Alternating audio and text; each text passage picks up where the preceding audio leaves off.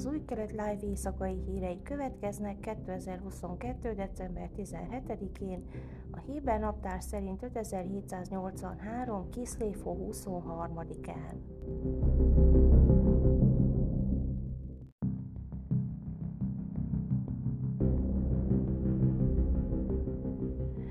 Intel Izrael több tucat alkalmazottját bocsátotta el, erősítette meg csütörtökön az ország legnagyobb magánszektorbeli csúcs technológiai munkaadója, miközben próbál megbirkózni a céget világszerte sújtó pénzügyi nehézségekkel.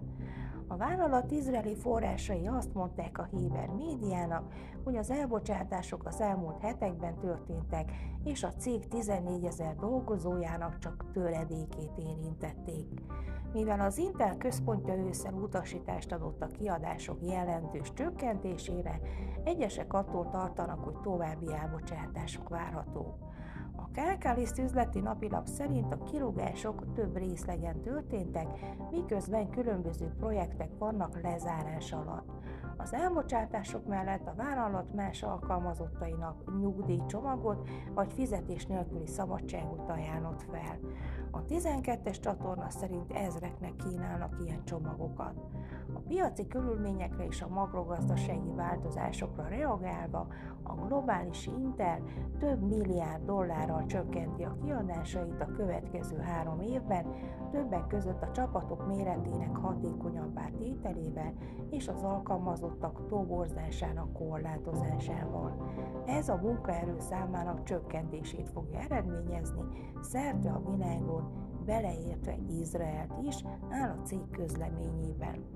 Az izraeli csúcs technológiai szektor a magas fizetésekkel és az elképesztő juttatásokkal az elmúlt években egyre több rekordot döntött, bár egyes megfigyelők a befektetési őrület és a túl magas értékelések miatt buborékra figyelmeztettek a piacon. Ezek az értékelések pontosnak tűnnek, az ágazatot érinti az egyik legsúlyosabban a folyamatban lévő inflációs válság. A KEN közszolgálati műsorszolgáltató arról számolt be, hogy az év első három hónapjában 3000 high-tech alkalmazottat bocsátottak el. A 12-es csatorna szerint pedig további 2800 dolgozót bocsátottak el júniusban és júliusban.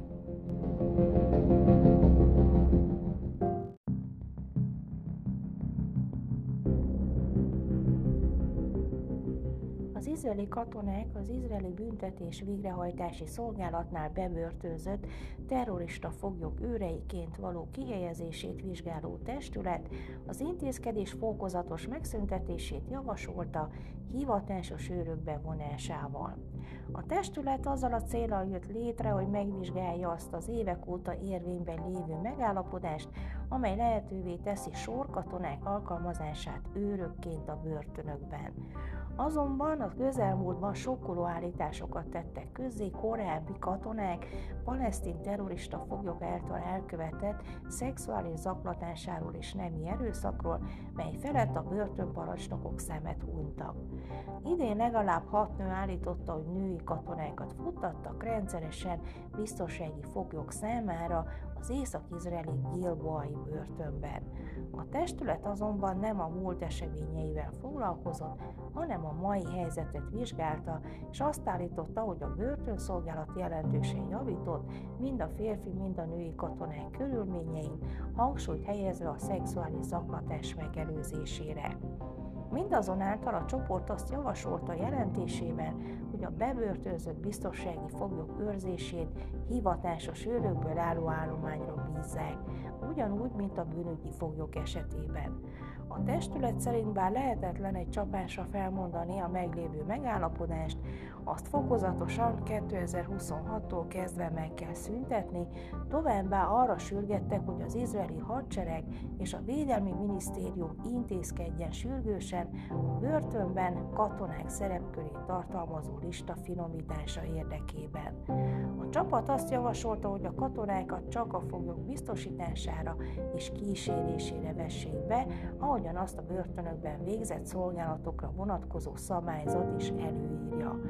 Felszólították a börtönszolgálatot, hogy gondoskodjon arról, hogy egy férfi vagy női börtönőr ne maradjon egyedül vagy felügyelet nélkül biztonsági foglyokkal. időjárás.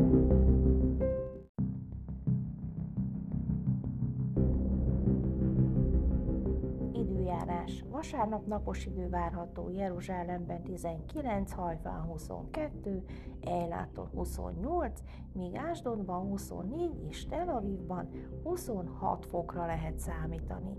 Ezek voltak az új kelet live hírei szombaton. Shavuot Tov! thank you